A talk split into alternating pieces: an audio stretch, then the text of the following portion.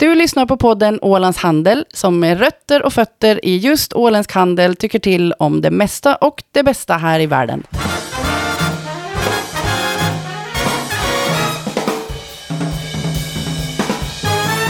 Ni är hjärtligt välkomna till avsnitt nummer 125 av Ålands Handels podcast. Och idag så sitter jag vid spakarna som heter Jörgen Pettersson. Jag har med mig wingman Fredrik Rosenqvist som är nyss hemkommen ifrån en familjekryssning på Viking Glory. Hur var det?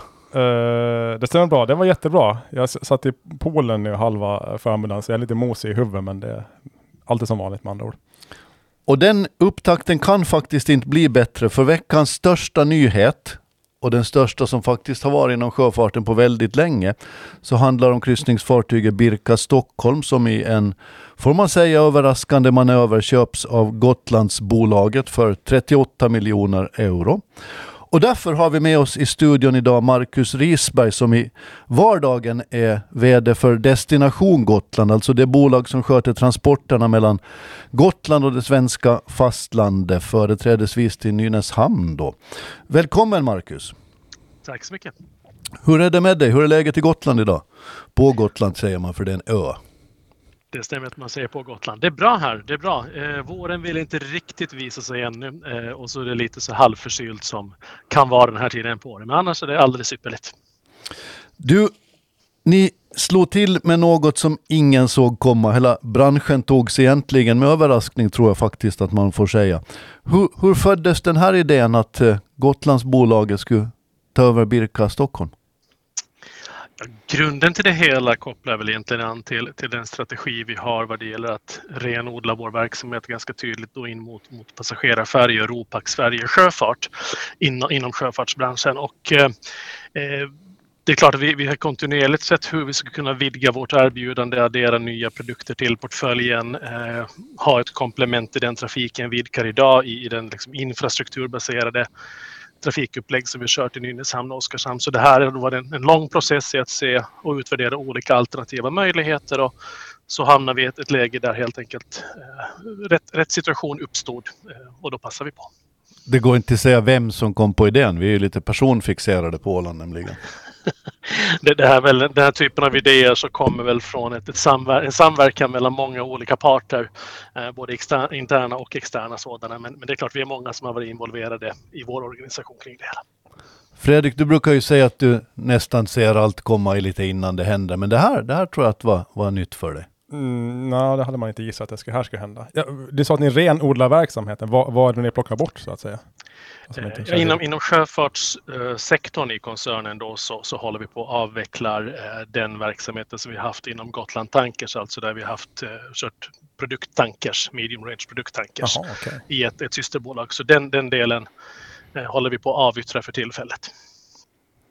Och nu blir ni inom en månad, inom, en, inom april är det sagt att själva överlåtelsen i formell mening ska ske. Och sen börjar en en himmelens massa arbete. Det stämmer. Det stämmer. Det är ju en, en stort projekt att ta sig an och det är klart att vi har ju eh, under hela förberedelsen inför det att vi fattar beslutet att förvärva fartyget så vi arbetar med en affärsplan kopplat till det här och nu kommer den affärsplanen då att övergå mer operativt så vi ska eh, ha ett etableringsprojekt som vi, vi sätter på plats och så kommer det projektet då och den organisationen att successivt växa för att sätta allting i ordning inför en tilltänkt trafikstart då våren 2024. Gotlands bolag är ju en koncern med, med, med rätt många innehav på, på, olika platser, även om ni renodlar den. Eh, blir det Destination Gotland som ska få det, om man så säger, operativa ansvaret för, för Birka Stockholm? Ja, det är som sagt inom Destination Gotlands verksamhet som vi har, har alla certifikat för att idka den här typen av trafik. Vi har miljökvalitetsledningssystem och och så vidare. Eh, så Destination Gotland är ju den naturliga operativa hemvisten för den här produkten också och som jag sa så ser vi det här som ett komplement till det produktutbud och de tjänsterna vi redan idag tillhandahåller eh, avseende färjetrafik mellan Gotland och fastlandet. Så det är en naturlig hemvist i Destination Gotland. Sen vilket varumärke och vad fartyget ska heta och så vidare, det, det får vi skäl att återkomma till senare. Birka Cruises kanske är ett alternativ möjligen? Huruvida det är tillgängligt eller inte, det låter jag vara, vara osagt och vi ska inte föregå den processen. Men vi, vi, skulle gärna säga att det finns någon tydlig koppling i vart fall till Gotland och eh, den dimensionen. Så Gotland Cruises kanske är en eh, bättre gissning?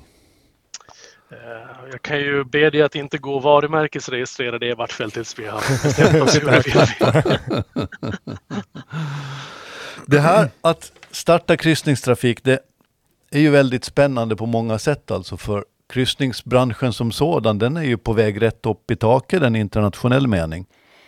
Nu säger de här stora operatörerna att de ser fram emot ett år som kommer att slå 2019 som i sig var ett rekordår. Det, det där måste ju stärka er, er era tankar. Ja, absolut, så alla signaler som tyder på att, att människor eh, i än högre utsträckning vill, vill Eh, spendera tid och pengar på rekreation och resor och förkovrelse är ju väldigt, väldigt bra förstås. Eh, sen är det viktigt att poängtera att ur vårt perspektiv så är ju det här förvärvet en, en kombination av att bygga ut det befintliga linjenätet, alltså att vi har en linjetrafik och vi kan kombinera transporterna i, i det vi redan har med den här produkten. Samtidigt som vi också kan addera den här mer nöjesresandet, att man ska också kunna ta en kryssning i kombination med den här linjetrafiken. Så, så det är inte bara det ena eller det andra, utan här kan vi faktiskt kombinera ihop båda dimensionerna.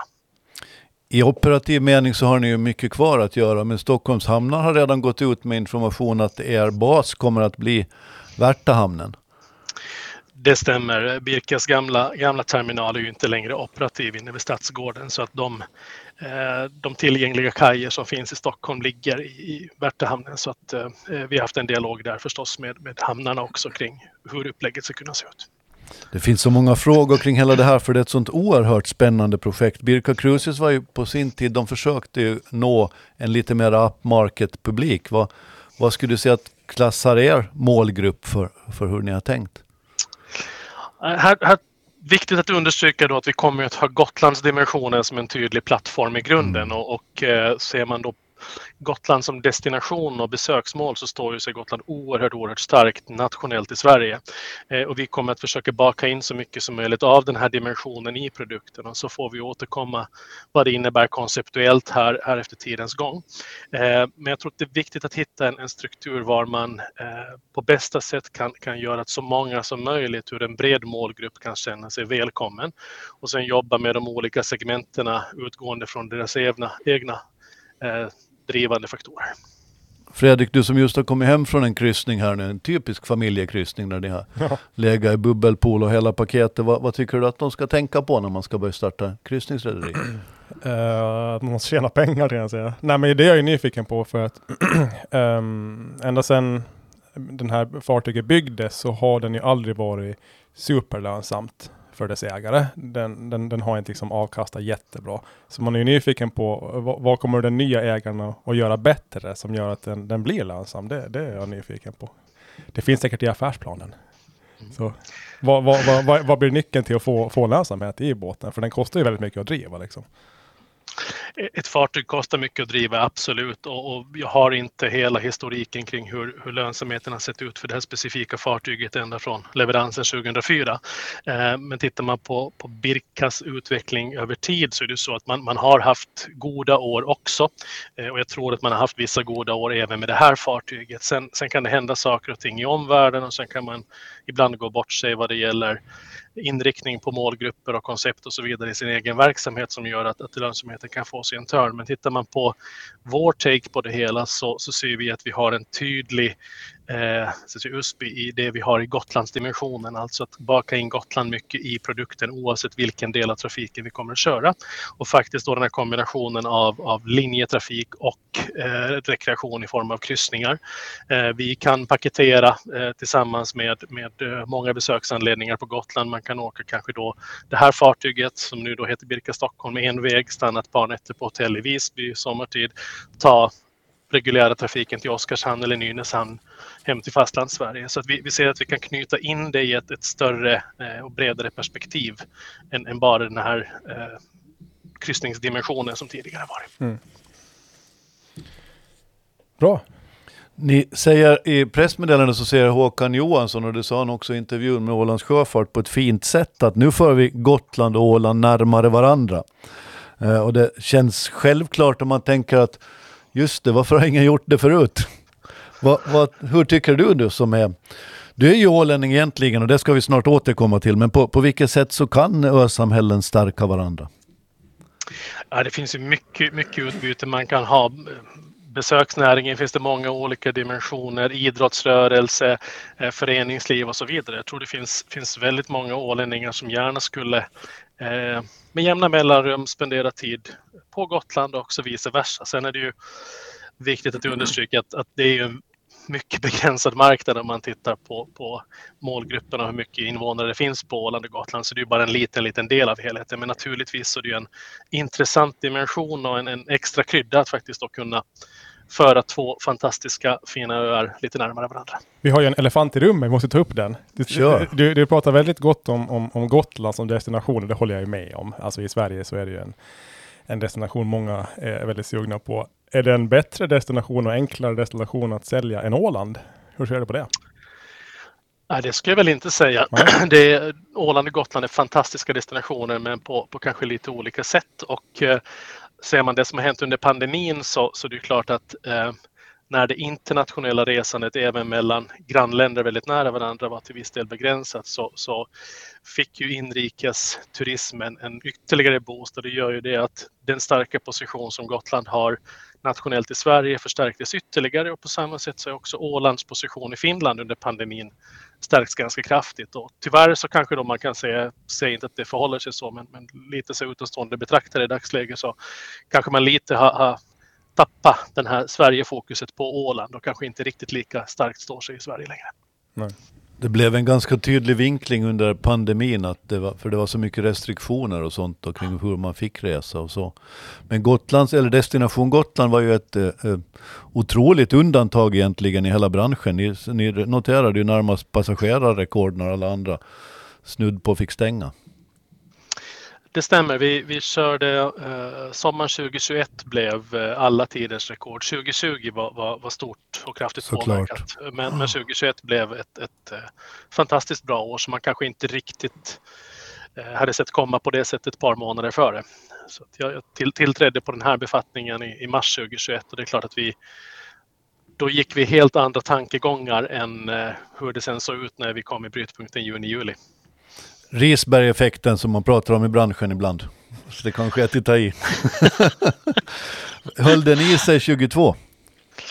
Uh, 22 var fortsättningsvis ett, ett bra år för oss och en god sommar. Vi kom inte upp i exakt samma, samma volymer som vi hade sommaren 2021, men det var inte långt ifrån. Så att vi betecknar även sommaren 2022 som en, en mycket god uh, sommar. Tycker du att det finns konkreta saker som vi kan lära av varandra? Gotland från Åland och Åland från Gotland? Det finns det ju säkerligen på många olika sätt och det, det kopplar väldigt mycket an till hur samhällen fungerar. Det, det både, läget påverkar ju båda samhällena, småskaligheten påverkar båda två. Eh, man har en relation att förhålla sig till, till fastlandssidan så att eh, det finns, finns mycket både ur ett politiskt och, och, och eh, även näringslivsmässigt perspektiv så tycker man kan lära av varandra.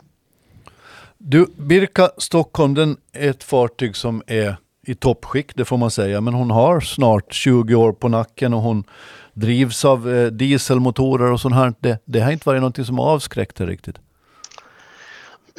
Nej, alltså, ser man på vår, våra övergripande eh, ambitioner vad det gäller hållbarhet, framtid, miljö, klimat och så vidare så eh, har vi en väldigt ambitiös och konkret klimatfärdplan som vi arbetar med. Och vi har också gjort Eh, tunga investeringar i nytt tonnage som, som eh, kan drivas av, av eh, både LNG eller fossil, flytande fossilgas och flytande biogas. Vi har också konceptstudier på gång inför framtidens tonnage vad det gäller då en, en gasturbindrift i kombination med ångturbiner som ska kunna drivas på bland annat vätgas, en multifuel-lösning. Och, och, det är klart ur det perspektivet så, så visst har vi ju svängt på den tanken vad det innebär för oss att, att då köpa en, ett, ett, fint fartyg men som förstås ändå är, är lite äldre och, och, drivs av ett konventionellt eh, dieselmaskineri. Och med det sagt så är det så att vår, vår ambition, långsiktiga ambition, ambition är precis lika hög för det här fartyget som för alla andra. Sen på vilket sätt vi kommer att hantera och adressera den frågan, det, det kan vi inte gå in på just nu, men ambitionsnivån är precis lika hög. Eh, och det finns ju ett ganska stort antal fartyg i Östersjön som är eh, samma ålder och till och med äldre och som, som vi nog ser att har ett antal år framför sig i trafik i Östersjön fortsättningsvis.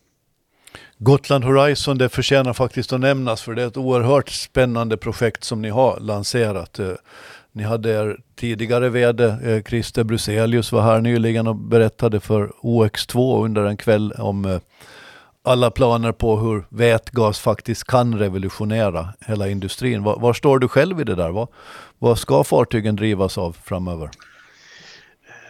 Där är det väl viktigt att belysa att det kommer ju inte finnas en lösning som funkar alla. Det, det är ingen one size fits all utan det kommer vara en palett av olika alternativa drivmedel lite beroende på vilken eh, sektor av sjöfarten man, man befinner sig i och typ av distans, typ av effektuttag, eh, typ av, av industriell eller konventionell sjöfart och så vidare.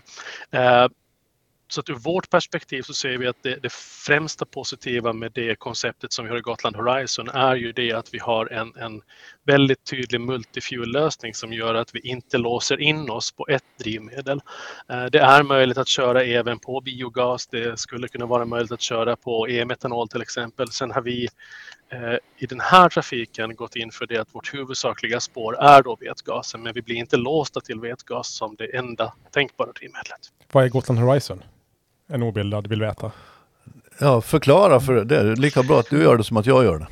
Ja, det är alltså, Gotland Horizon är, är, namnet på vårt konceptfartyg för, för framtidens Gotlandstrafik. Eh, Gotlandstrafiken bygger ju väldigt mycket på att du ska kunna ha en Eh, hög kapacitet, god kvalitet men med väldigt bra fartresurser för att kunna korta på överfartstiden, föra Gotland så nära fastlandet som möjligt och genom det också kunna skapa högt antal frekvenser och mycket kapacitet.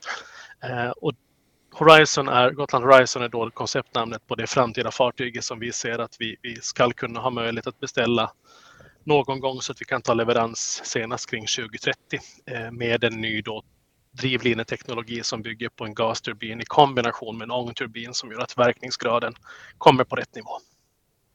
Det där är faktiskt, Fredrik du måste läsa mera på det där för det är faktiskt ett otroligt spännande Man skulle vilja ha ett kapellskär Horizon. Koncept. Ja exakt.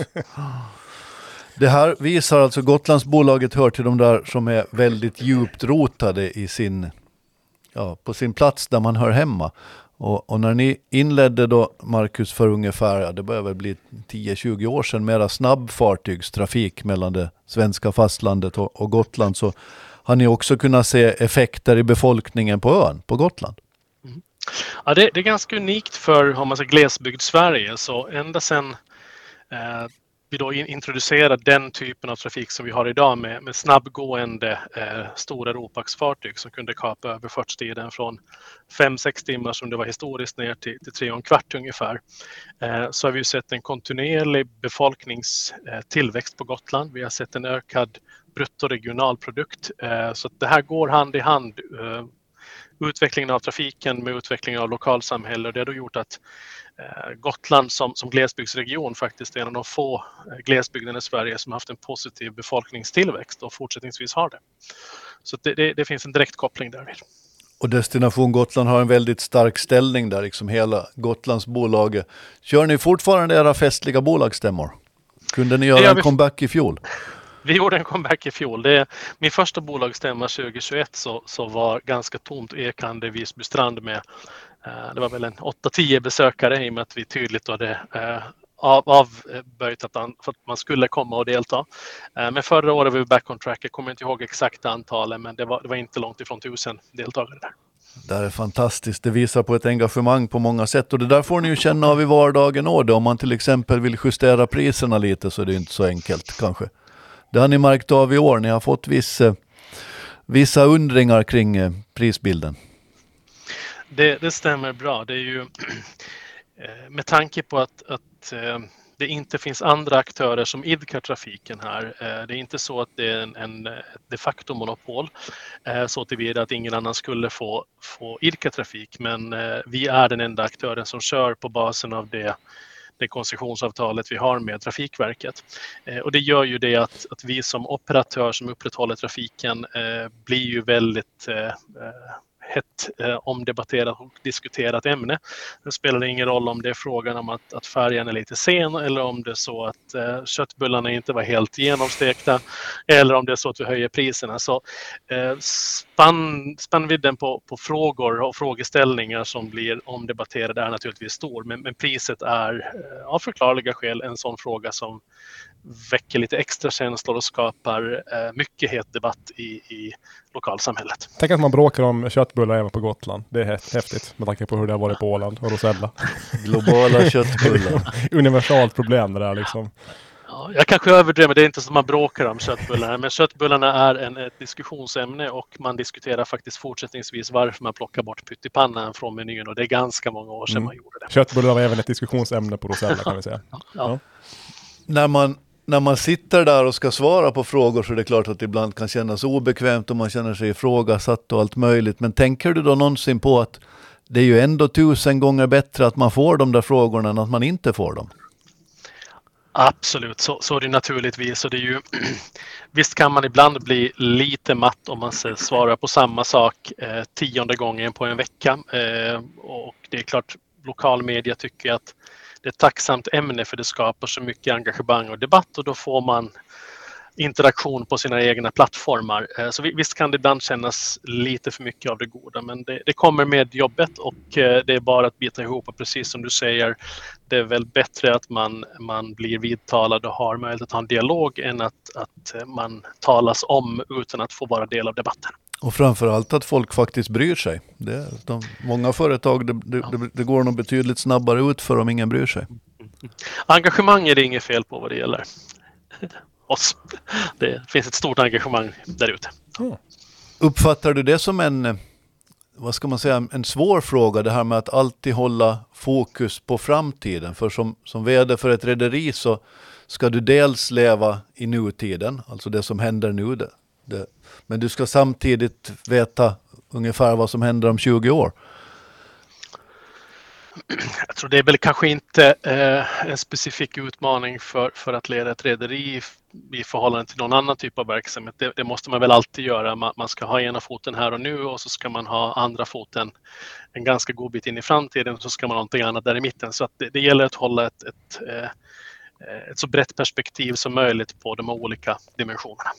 Fredrik, jag älskar din förklaring av varför rederi-VD är det sista jobb man egentligen ska ta här i mm. världen. Upprepa det. Jag, jag, har en ny. Får har du en ny? Okej, okay, kör den. Nej, jag, jag blev att tänka på det när, när vi pratade om, om det där fartyget, då, Birka Stockholm som det, det heter fortfarande. Och jag skrev ju en bok om det där för ett tag sedan. och en sak jag slogs av då, det var ju att när du har ett sådant här stort fartyg, så du måste ju ha ombord x antal personer för att nå break-even. Och sen måste du ha till, ombord några hundra till då för att göra vinst på det där. Och så kommer de ombord och då ska allt vara perfekt liksom. Trubaduren, han ska inte spela falskt och biffen den ska vara lagom stekt, även köttbullarna och allting och det ska gå, det ska liksom rulla på och alla ska kryssa och så komma tillbaka och vara nöjda och glada. Och sen måste du göra om exakt samma sak dagen efter. Och så måste du hålla på sådär 365 dagar om året. Alltså det Gärna i 30 alltså, år innan under avskrivningstiden. Medan liksom den där binder kapital. Alltså det är otroligt jobb att få och fylla de här stora fartygen och sen se till att alla har det bra. Det ska vara städat, allt ska funka, saker går sönder och ja, men herregud alltså vilket jobb. Man har ju slå, slås av det nu när jag var precis har varit på kryssning att vilken, vilken maskin, operation det där är liksom. Och få det att löpa det där. Ja. Vad men, säger du? Är det en rimlig beskrivning? Det är, väl, alltså det, det, är klart det är en apparat att, att få det att snurra och det är oavsett om man är mera infrastrukturbunden sjöfart eller om det är en kombination av transport och infrastruktur och upplevelseindustri. Men, men lite som Fredrik är inne på, det, det är ju det intressanta är ju komplexiteten när man ser ut passagerarfärg och sjöfartsperspektiv. Det är att du har en väldigt kapitalkrävande verksamhet, den är oerhört personalintensiv, du har en drivmedelsfråga både kostnadsmässigt och, och liksom miljö och klimatmässigt att hantera. Sen har du hela den här regulatoriska delen med när, både näringsvillkor och klimatfrågan där. Och sen förstås marknadsutveckling som kan fluktuera, oförutsedda händelser som pandemier och så vidare. Så det, det, det är inte så att man, man saknar eh, saker att fundera över på dagarna. Eh, men återigen, eh, så gott som alla verksamheter har ju sin sin palett av olika utmaningar eller frågeställningar att adressera. Och sen räcker det med att en servitör ombord är lite otrevlig så blir hela upplevelsen förstörd som åker. Liksom. Det faller på en sån liten grej. Men just det här också att, nu vet jag inte vad ni kommer att ha för break-even när ni börjar köra igång, men jag minns det som att det var ganska högt. Det måste vara ganska stor press att du måste få ombord så här många personer bara för att det ska gå plus minus noll och sen börjar man tjäna pengar och känna den här pressen varje dag. Liksom. Och, mm. Det... Så, så, så det är absolut. Det är, den här typen av verksamhet är ju en volymprodukt. Eh, sen, sen, är det förstås så att skulle, när vi har tittat på, på det här upplägget, så om, om vi skulle ha bedömt att eh, nivån för att kunna få en rimlig avkastning kräver för hög ansträngning vad det gäller att, att eh, nå den här eh, minimikritiska volymnivån så, så det är klart, då ska vi inte tagit steget. Så vi, vi tror ju ändå att den nivån som vi har satt, satt i vårt business case ska vara helt relevant. Mm. Vad säger du om prisen ni fick fartyget för? Var det 32 miljoner? 38 miljoner 38, euro. Okej. Okay. Var det så här, yes, hur gick de med på det här? Eller svider det liksom? Eller det alltså det, det, mycket mer än, än, att vi har gjort ett avslut och det innebär det ju att, att båda parterna tycker att, att uh, man kan leva med det priset. Båda är lite missnöjda? Så Ja, det är väl så att båda skulle vara lite nöjda, båda skulle vara lite missnöjda. Det, det är väl någonstans där man ska landa. Så att, och vi är båda parterna kunna acceptera priset så då får det bedömas vara relevant och marknadsmässigt. Hur, eh, alltså den här växeln, det här var en nördig fråga nu, men alltså ni, ni är ju ett svenskt bolag och ni köper fartyg av ett finskt bolag. Kronkursen är ju inte jättebra. Uh, det måste ju vara en faktor som talar emot, eller? Alltså det är klart att vi, vi har eh, i vårt, vårt eh, affärsplan och vårt case bakom det hela så har vi ju eh, använt oss av, av relevanta parametrar och där har vi förstås viktat in också det att, att kronan nu är förhållandevis svag. Mm. Eh, sen har vi ju en förhållandevis stark balansräkning i koncernen som, som klarar av det hela och det finns Eh, Eh, olika sätt som man kan adressera den här finansieringsfrågan på. Okay. Gotlandsbolaget är ju inte bara en stark balansräkning, det är en jättestark balansräkning på många sätt. Eh, och, och, och man hör till Sveriges mest tongivande rederier, fast man har ändå nästan alltid seglat under radarn lite. Man har skött sig själv där på Gotland. Men, men i fjol så hände någonting, för då, då gick ni plötsligt in på börsen. Va, hur har det här påverkat din vardag? Jag inte Alltså det, det, som vi har att förhålla oss till är ju det att, att de regulatoriska kraven blir lite annorlunda. Marknadsreglerna ser annorlunda ut när man är noterad på, på den reglerade marknadsplatsen. Vi ligger nu på Nasdaq First North med med moderbolaget. Eh, men det var ju en direktnotering. Det var ju inte så att vi hade en kapitalanskaffning. Det fanns inget erbjudande till allmänheten. Det var en direktnotering från en tidigare lista till Nasdaq First North. Så det, det som kanske märks mest är att, att vår eh, vår kommunikation externt eh, måste, måste göras på ett lite mera genomtänkt och strukturerat sätt. Vi, vi kan inte lika enkelt till exempel eh, till lokala besöksnäringen eh, kommunicera hur bokningsläget ser ut för olika perioder inför sommaren och så vidare. Utan då måste man göra det till hela marknaden samtidigt. Eh, och sen förstås vad det gäller viss rapportering och, och frekvens där med kvartalsrapporter. Så det, det är primärt de frågorna som, som påverkar. Är det stor skillnad om man går upp till den stora börsen? Jag antar att det blir mer då, eller? Det, det blir lite mera, men det, det, är faktiskt inte så det är jättemycket extra utan det, det är väldigt många av kraven på, på stora listan gäller också på mm. First North. Det har jag tänkt på. Jag lyssnar på mycket börspoddar och där, där, liksom där olika förvaltare gästar som förvaltar fonder och sådär. Och de pratar alltid om hur mycket, hur ofta de träffar vd för börsbolag och pratar med dem liksom för att förstå om det här är en bra investering. Och alla, alla pratar om hur, hur mycket och hur länge de träffar de här vd Och då slås man ju av, har vd tid med någonting annat eh, för börsbolag än att träffa de här fondförvaltarna och prata med dem? Men ni har inte märkt av något sånt där, att ni måste sitta och prata om ja, själva vi, hela tiden? Vi, ja, vi, vi har ju, vi har bara släppt en kvartalsrapport, ett, ett eh, årsbokslut. Sedan eh, vi hade eh, byte av handelsplats och det är klart det tar väl, det tar väl tid att bygga upp det, det stora engagemanget och intresse och bevakningen. Och, och, det är ju inte heller så att det är en, en extremt stor handel i våra papper på, på Nasdaq vi, vi har totalt sett ungefär storleksordningen 3000 aktieägare så att traden är inte så enormt stor än så länge. Fredrik är lite blyg, han är en blyg viol ofta, men det han egentligen vill fråga är om han ska gå in i Gotlandsbolaget nu och om du skulle kunna ha något lämpligt insidertips att dela så här bara mellan honom och dig. Det, det, är det han skulle vilja ha reda på nu alltså. Är det, är det, är det köpvärt? Jag förstår att det är det han är ute och fiskar efter. Fredrik är en synnerligen duktig analytiker så jag är alldeles säker på att om han grottar ner sig i våra siffror och årsredovisningar kommer han fatta ett välgrundat beslut som passar hans egen riskvilja. Ja, bra. Jag har faktiskt inte utrymme för rederiaktier nu. Jag har sålt av ett norskt rederi så det, det kanske finns lite plats. Vi får se lite. Ja. Jag känner mig som jag sitter mitt emellan en som inte vågar ställa frågan och en diplomat som inte vill, är villig att ge svaret. Det, det vet inte riktigt hur jag ska mm. förhålla mig till det här. Va, vad tycker du Marcus, vad, vad är tjusningen med att jobba inom sjöfarten? Vad, vad driver dig? Uh, det är väl många olika dimensioner. Jag skulle säga att, att till att börja med kan man säga att sjöfarten är en ganska liten bransch nationellt i, i Sverige och Finland och, och kanske inte riktigt får den uppmärksamheten man försenar. Så som bransch kanske man är lite underdog.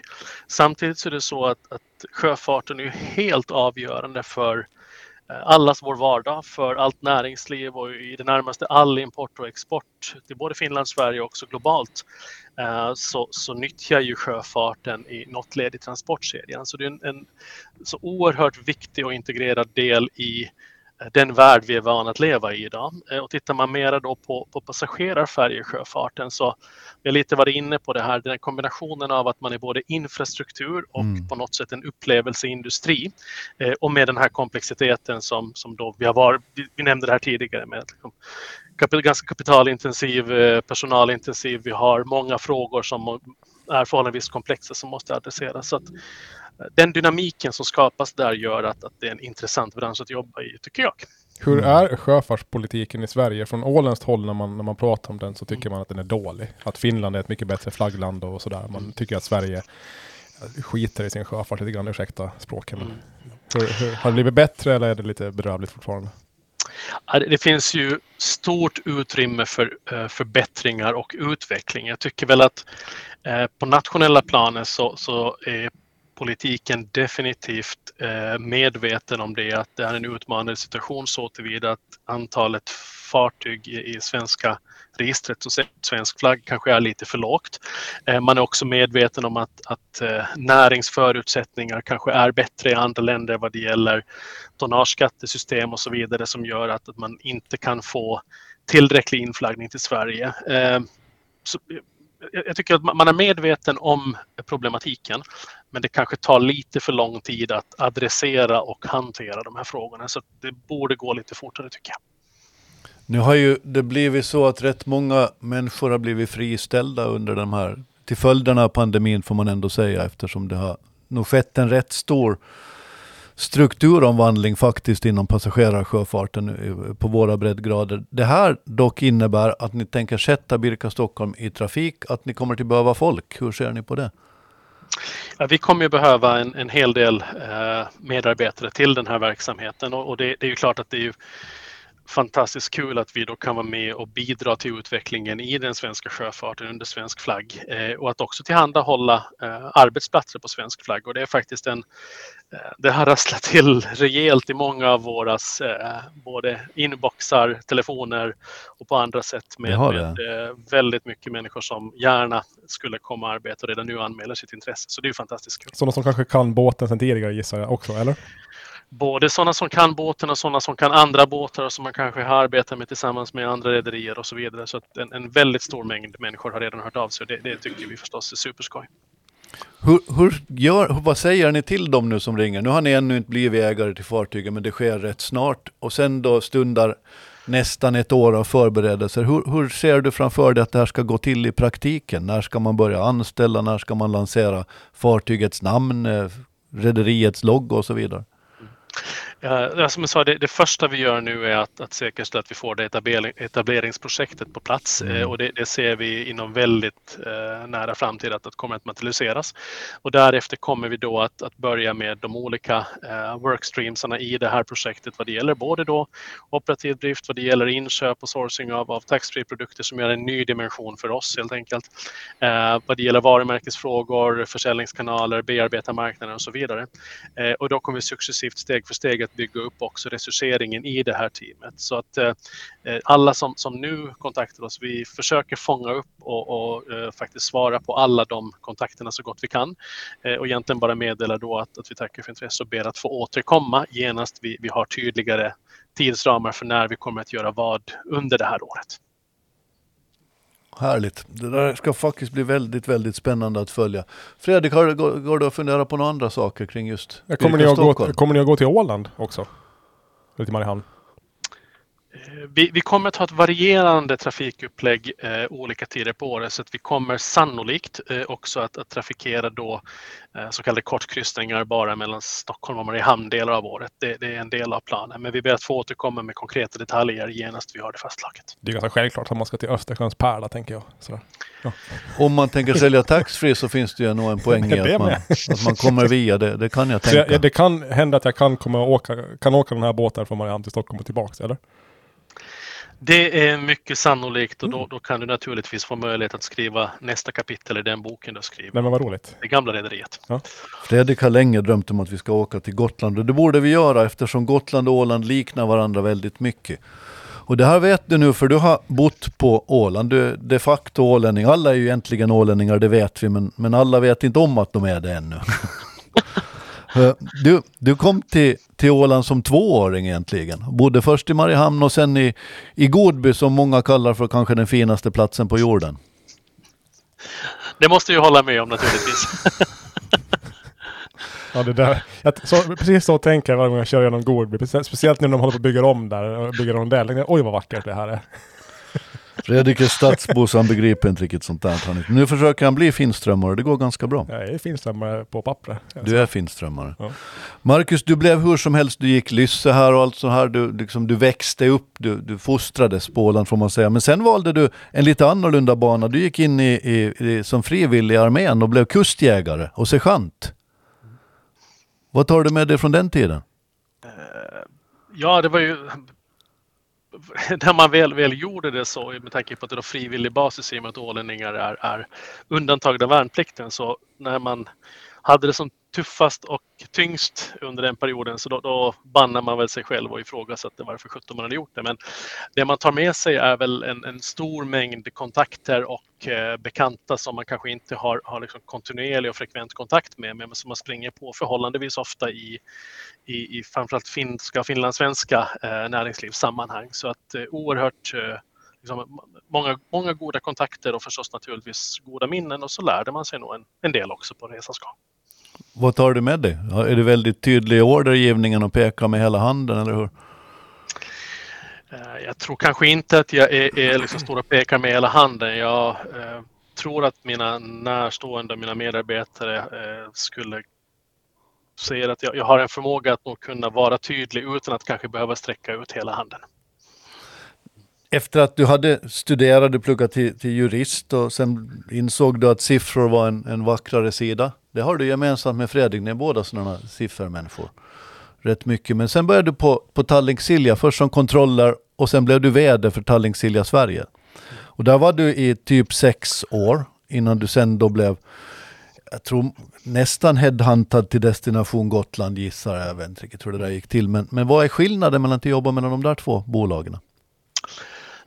Ja, den, den, stora skillnaden kan vi säga att eh, Tallink Siljas produkt är ju mera en kombination av, av infrastruktur och transport och det här nöjesresan, alltså skapa en reseanledning, eh, åka ombord eller gå ombord på ett fartyg där själva resan är målet, liksom att man är på en kryssning. Eh, I vår befintliga verksamhet i Destination Gotland så har vi, en, eh, vi har förfinat till, till sin yttersta spets ur ett infrastrukturperspektiv trafiken. Vi är oerhört effektiva, eh, vi idkar den trafiken på ett mycket bra sätt men, men det kanske inte finns då den här Eh, besöksnäringsdimensionen av själva färjeresan. Sen är vi en del i en besöksnäringsanledning och vi paketerar väldigt mycket med olika hotell och så vidare. Eh, men, men det kanske är få som, som eh, hur gärna jag skulle vilja att man åker Gotlandsbåt för att det är så trevligt att åka Gotlandsbåt. Så det är kanske få som åker båten bara för båtresans skull. Så det är väl då den, den här primära skillnaden. Att här är det infrastruktur, core-infrastruktur medan Tallink Silja är en kombination av transport och eh, den här upplevelsedimensionen. Nu har du bott först på Åland, sen bodde ni i Stockholm och nu bor du med hela familjen på Gotland gissar jag. Har ni fallit in bra? Har det gått bra? Ja, vi, vi bor faktiskt inte hela familjen på Gotland. Vi har, ett, vi har en bostad i Visby och, och så har vi en bostad i Stockholm. Okej. Men, men barnen går klart skolgången i, i Stockholm. Så vi pendlar väldigt frekvent mellan Visby och Stockholm med dubbelboende. Ni gör så just nu. Och sen hade ni fram till för några år sedan så då var ni rätt ofta på Åland också. Men har du tid med det nu då? Tyvärr lite för lite. Det, det, det blir nog ett antal gånger per år men eh, jag önskar jag skulle ha större möjligheter och när väl vi har nya fartyget i trafik så öppnas väl ytterligare möjligheter upp att vara lite oftare på Åland. Så där ska det låta. Man ska se möjligheter i allting. Fredrik, avslutningsvis, vad skulle du vilja ställa för fråga? Vad, vad tar du per, per natt för ditt eh, boende på Gotland under Almedalsveckan? Där måste man ju tjäna miljoner tänker jag. Eller är du där? Ja, jag, jag förväntas ju vara själv eh, på. Almedalsveckan. så Okej. Ja, ja. Det är en rätt viktig sak. Den kommer väl tillbaks i sommar nu den? Ja, den var ju tillbaka redan förra sommaren. Ja, just det, det var Så den. det, ja, det var uppehåll 2020 och 2021. Men förra året var den tillbaka i förkortat format. Just Alltså man det. kör ju färre antal dagar och det fortsätter man med i år. Och så tidigare lägger man den också i år. Eh, så att den är, det är en vecka tidigare än vad det var tidigare. Det var väl i fjol det var något knivdåd där eller? Ja, det, det var ju det ja. hemska då. Ja, just det. Ja, Jag det har var varit på Gotland. Jag har varit på Gotland en gång och det var just under Almedalsveckan. Så Ja. Jag som gill, inte gillar folk trivdes ju Nej. jättebra där. Ja, precis det. Något. Men, ja. En sak som jag bara måste fråga för att jag är nyfiken på det är, du jobbar nu i en, en koncern som i och för sig är på börsen och ni har 3000 aktieägare men den är kontrollerad av en familj och där är fortfarande överhuvud Erik David Nilsson med i matchen. Han, han är väl 95 år nu, han är lika engagerad och, och lika så här. Erik är- är 95 år, det stämmer, och han är, han är oerhört engagerad i verksamheten och bolaget. Sen är det klart att med ålderns rätt så, så kanske det blir mindre intensitet än när man är ungdom och man är 85. Exakt, exakt, exakt. Härligt, vi börjar närma oss slutet men innan vi slutar så avslutar vi som vi brukar göra med att någon måste hyllas, någon eller något. Marcus, du är först som gäst. Vem tycker du har stuckit ut den här senaste tiden? Okej, då egentligen så skulle vilja hylla någon som inte har stuckit ut men som kanske behöver uppmuntran för att våga sticka ut. Och det är väl mer en företeelse, våren. Våren har inte visat sig så jag tycker våren skulle behöva lite uppmuntran och en hyllning. Men, men ska vi ta någonting som är lite mer konkret så skulle jag faktiskt vilja eh, hylla alla de som har skickat eh, många hejarop till oss här under de senaste dagarna kring eh, Eh, förvärvet av Birka Stockholm eh, och som ser fram emot att kunna få komma ombord och kryssa. Det är en, en oerhört stor mängd människor som har hört av sig. Så en, en stor hyllning till alla de som har hört av sig och som kommer att höra av sig och de är alla hjärtligt välkomna ombord 2024. Det märks tydligt på sociala medier, på Ålands Sjöfarts till exempel eh, Facebook-sida så är folk helt lyriska över detta. De, det är en sån här affär som ingen, inte ens de mest grumpiga har, har lyckats hitta någon, någon större nedsidor i det hela. Så, så ni har rätt stora förväntningar, känn, känn ingen press på er nu. Utan kör på. Fredrik, Oh, vad ska jag ta då? Uh, nej men jag gör väl så här. Jag var på uh, föreställning uh, på uh, Alandica här för någon vecka sedan, eller två kanske. Spirits, Spirits of the 90s som var producerad av, av Göran Stenius. Helt smetafullt med människor, skitbra musik, för det mesta väldigt bra ordnat. Det vill jag hylla. Kul Det det. när, saker, när folk ordnar saker liksom. Sen har det varit fullsatt på den där sen typ i, jag vet inte, flera månader men ja. det låter som ett koncept för ett kryssningsfartyg som snart ska inleda trafik mellan Sverige och, och Mm. Stockholm och De- Gotland och, Nej, och de- Mariehamn kanske. De gjorde det, bra. Och sen satt man där och bara, kommer det inte Metallica snart nu då? Det var liksom Offspring och allt möjligt. Och sen körde de Sad But, Sad But True och man hörde gubbarna framför och knapp, knappa lite så här med, med fötterna i parketten. Och tänkte man, det här är nice. Det här är riktigt bra. Vad lyssnar du till Marcus? Är du också sån här smyghårdrockare? Ja, jag är faktiskt ganska allätare men eh, det händer att jag har varit på, på Sweden Rock ett antal gånger där vi också varit partners till Sweden Rock och andra musikaliska evenemang på mitt gamla arbete. Så att eh, rocken ligger nog varmt om hjärtat eh, trots bredden.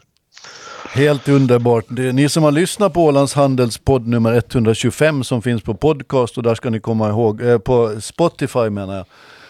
Och ni ska komma ihåg att prenumerera på den har hört Marcus Risberg från Destination eh, Gotland eh, med anledning av att Gotlandsbolaget har köpt eh, Birka Stockholm. Jag får sista ordet eftersom jag har lett ordet här idag och jag tänker faktiskt hylla två företeelser. Det ena är att vi idag faktiskt har den 30 mars när vi högtidlighåller Ålands demilitarisering och neutralisering genom att flagga överallt. Och det här är en viktig dag i dessa tider av oro och krig och elände. Och så vill jag också, likt Marcus äh, ger äh, våren en liten kickstart, så skulle jag vilja ge påven Franciscus, 86 år gammal, en klapp på axeln. Han har tjänstgjort i ett decennium, och har nu tagits in på sjukhus med andningssvårigheter och det där är trist. Nu är jag inte särskilt insatt i den katolska kyrkan, men han här, Franciscus, så efterträdde Benediktus den 16, som var den första i modern tid att abdikera för då för tio år sedan. Och om det här, det här blev en lång eh, tråd, så finns en helt fantastisk film som heter Två påvar, Two Popes. Som om ni inte har sett den så tycker jag att ni ska se den. Det är Anthony Hopkins som gör den äldre och Jonathan Price som gör den yngre och vänskapen dem emellan som den skildras, den är faktiskt helt fenomenal. I en eh, väldigt minnesvärd dialog där så säger den äldre till den yngre att han tänker abdikera och den yngre svarar att det kan du inte göra, det har ingen påve någonsin gjort förut. Och den äldre säger, jo då, det har visst hänt för 835 år sedan. Där ser man långsiktigheten och där har väl möjligen den katolska kyrkan och rederinäringen något gemensamt, att man måste se långsiktigt och positivt på allt. Marcus Risberg, tack för att du har varit med i Ålands Handelspodd idag. Kämpa på och fortsätt eh, leverera. Och se till att Åland och Gotland nu faktiskt kommer närmare varandra. Det ska vi göra. Tack, tack till dig och till alla våra lyssnare säger vi som vanligt Fredrik, tack och förlåt. Tack och förlåt. Nu har du lyssnat så här långt, så nu kan du ge oss en liten stund till tycker vi. Du kan gå in på Spotify och prenumerera på podden Ålands Handel. Eller på Podcaster, där kan du göra samma sak. Där kan du också ge oss betyg och skriva recensioner, det tycker vi om. Och sen kan du förstås gå in och titta på vår hemsida ålandshandel.ax. Och så hörs vi nästa vecka.